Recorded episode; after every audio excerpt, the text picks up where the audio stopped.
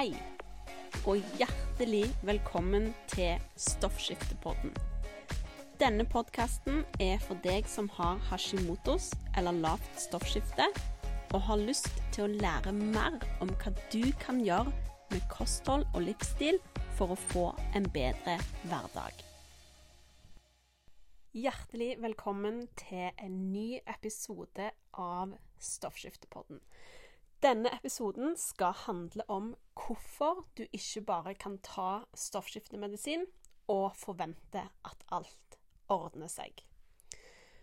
Det er sånn at veldig mange av oss, når vi får diagnosen lavt stoffskifte, uansett hva som er grunnen til at du har fått lavt stoffskifte, men når du får diagnosen lavt stoffskifte, så blir du jo da satt på stoffskiftemedisin.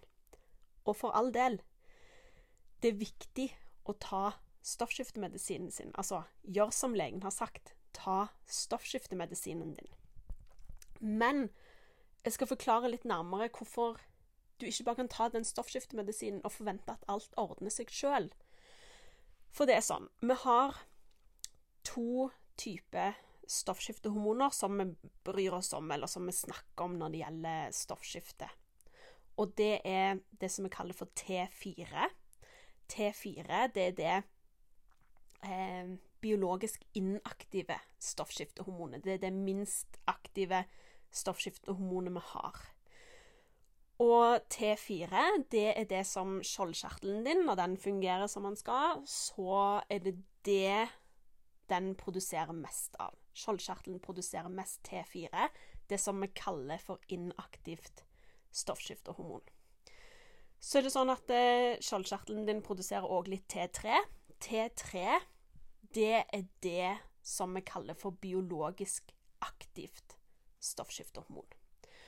Og så er det sånn, da, at eh, T4 må konverteres til T3 for å kunne gå inn i cellene og gjøre alle greiene som stoffskiftehormonene skal gjøre. Og det fascinerende er jo at eh, stoffskiftehormonene de direkte eller indirekte påvirker basically alt som skjer i kroppen din.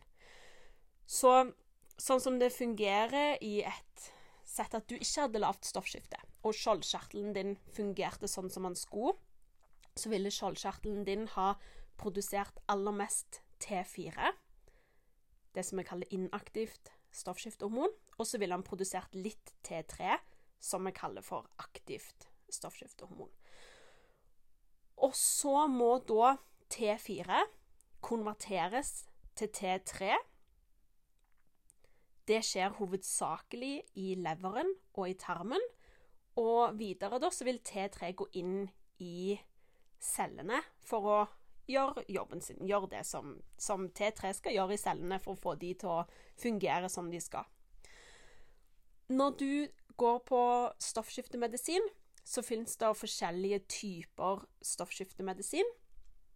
Veldig, veldig mange går på en type stoffskiftemedisin som inneholder kun T4. Det er det vanligste, den vanligste medisinen å sette folk på. Så kan det òg være at du får en form for kombinasjonsbehandling, som vil si at du tar en kombinasjon av medisin med T4 og medisin med T3, og så er det noen som kun tar T3. Hvis du er usikker på hvilken type medisin du tar, så enten les pakningsvedlegget på medisinen din, eller spør legen din hvis du er usikker på hva som er i din medisin. Om det er T4, om det er en kombinasjon T4 og T3, eller om det er bare kun T3. Og her er tingen, da. Hvis du tar en medisin som kun er T4, så vil det si at du tilfører kroppen din T4. Og optimalt sett da, så skal du tilføre den mengden T4 som skjoldkjertelen ikke produserer sjøl. T4 det må fremdeles konverteres til T3, og det må komme seg inn i cellene. Så selv om du tar en medisin som tilfører kroppen den mengden T4 skjoldkjertelen din skulle ha produsert, så må T4 må fremdeles konverteres til T3 og komme seg inn i cellene for å gjøre jobben. Hvis du tar en kombinasjonsbehandling av T4 og T3, så må fremdeles T4 konverteres til T3 i kroppen, og T3 må komme seg inn i cellene. Hvis du tar kun T3, så kan du hoppe over det der konverteringsstadiet, men T3 må fremdeles klare å komme seg inn i cellene for å gjøre jobben sin. Og det er her mange som eh, tar stoffskiftemedisin og likevel føler seg crap, ikke forstår hva som, hva som ikke funker, for du tar jo stoffskiftemedisinen din, sant? Som du selvfølgelig skal. Men tingen er da at det er konvertering av stoffskiftehormoner. Det Konvertering fra T4 til T3 skjer hovedsakelig i leveren din og i tarmen din. Det vil si at du er avhengig av å ha en god tarmhelse, en frisk og sunn tarm, en fordøyelse som fungerer, og du er avhengig av å ha en lever som ikke er overarbeida. Og det er det de færreste av oss som har. Og når Så det trinnet må fungere for at konvertering av T4 til T3 skal skje. Og så må T3 klare å komme seg inn i cellene dine. Og T3 hindres av å seg, fra å komme seg inn i cellene og gjøre jobben sin av bl.a.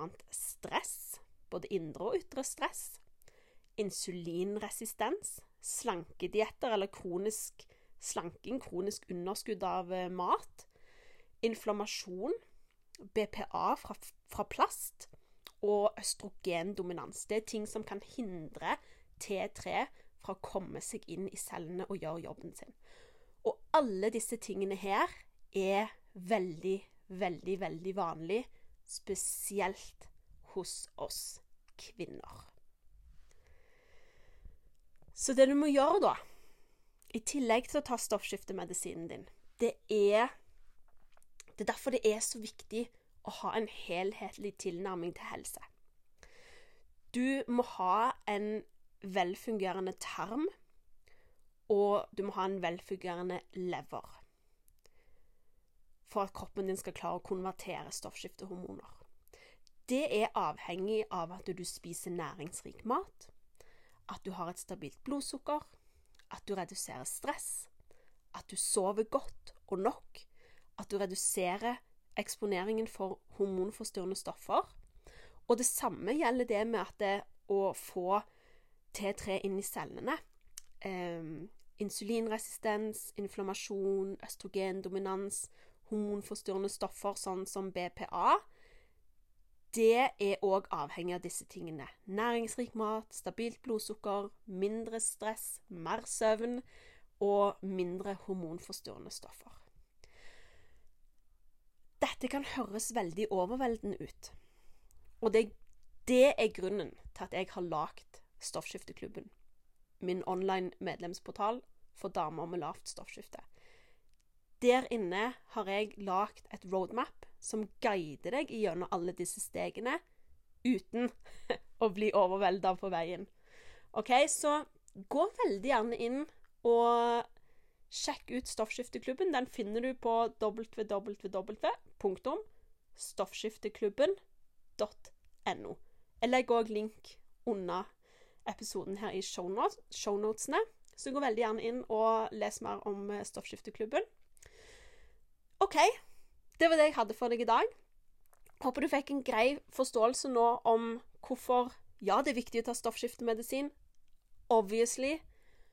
Men det er en del ting som du er avhengig av skjer allikevel, for at den stoffskiftemedisinen faktisk skal ha den effekten på kroppen din som vi gjerne vil at han skal ha.